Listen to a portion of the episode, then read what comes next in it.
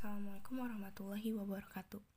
Perkenalkan nama saya Najwa Frida Ananda Hilmansyah, nomor absen 26, kelas 11 IPA 5, dan asal sekolah dari SMA Negeri 1 Cianjur.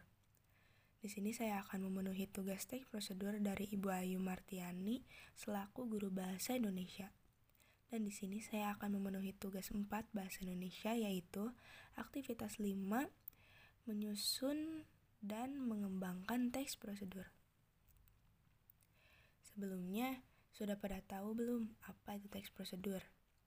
Jadi, teks prosedur adalah sebuah teks yang menyajikan langkah-langkah kegiatan atau berbagai tahapan untuk melakukan sesuatu agar menghasilkan sesuatu yang kita inginkan.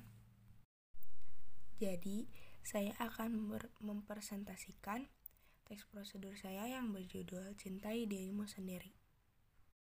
Mungkin akhir-akhir ini banyak sekali orang-orang yang tidak merasakan percaya diri atau suka merendahkan diri sendiri apalagi dengan anak-anak remaja atau biasa bahasa gaulnya yaitu zaman sekarang kurang pede atau insecure. Padahal setiap orang memiliki kelebihan dan kekurangannya masing-masing.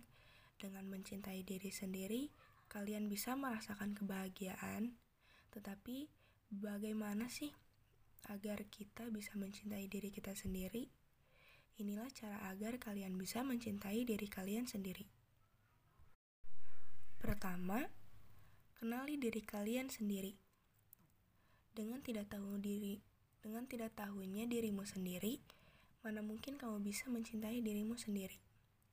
Dua, mulai percaya diri.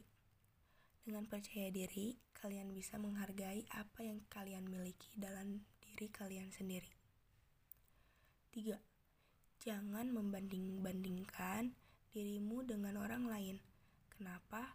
Karena tidak semua manusia terciptakan sama. Jadi pasti memiliki kekurangan dan kelebihannya masing-masing. 4. Mulai pola hidup sehat.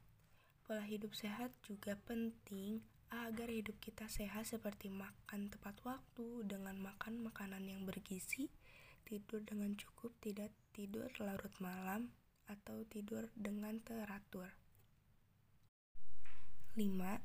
Mulai jujur pada diri sendiri. Jujur merupakan kunci dalam semua hubungan. Dengan jujur, kamu akan mengetahui dirimu sendiri. 6. Memaafkan diri sendiri atau orang lain. Mungkin kita selalu dapat masalah dengan diri sendiri ataupun orang lain, tetapi belajar memaafkan agar hidup kita terasa bebas dari masalah. 7. Katakan tidak dengan hal yang tidak penting. Berkata tidak bukan berarti kita menolak atau tidak ingin melakukan sesuatu. Tapi jika memang merasa terbebani dengan sesuatu yang tidak penting, beranilah berkata tidak. 8. Bergaul dengan orang-orang yang baik. Bergaul dengan orang itu penting, tetapi kita harus bisa memilih mana yang baik dan mana yang tidak, agar bisa memberikan semangat kepada kita atau membantu kita dengan solusinya.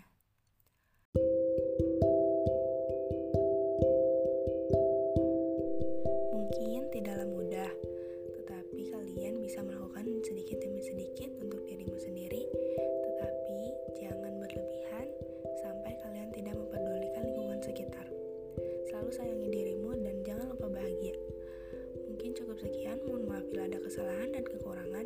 Wassalamualaikum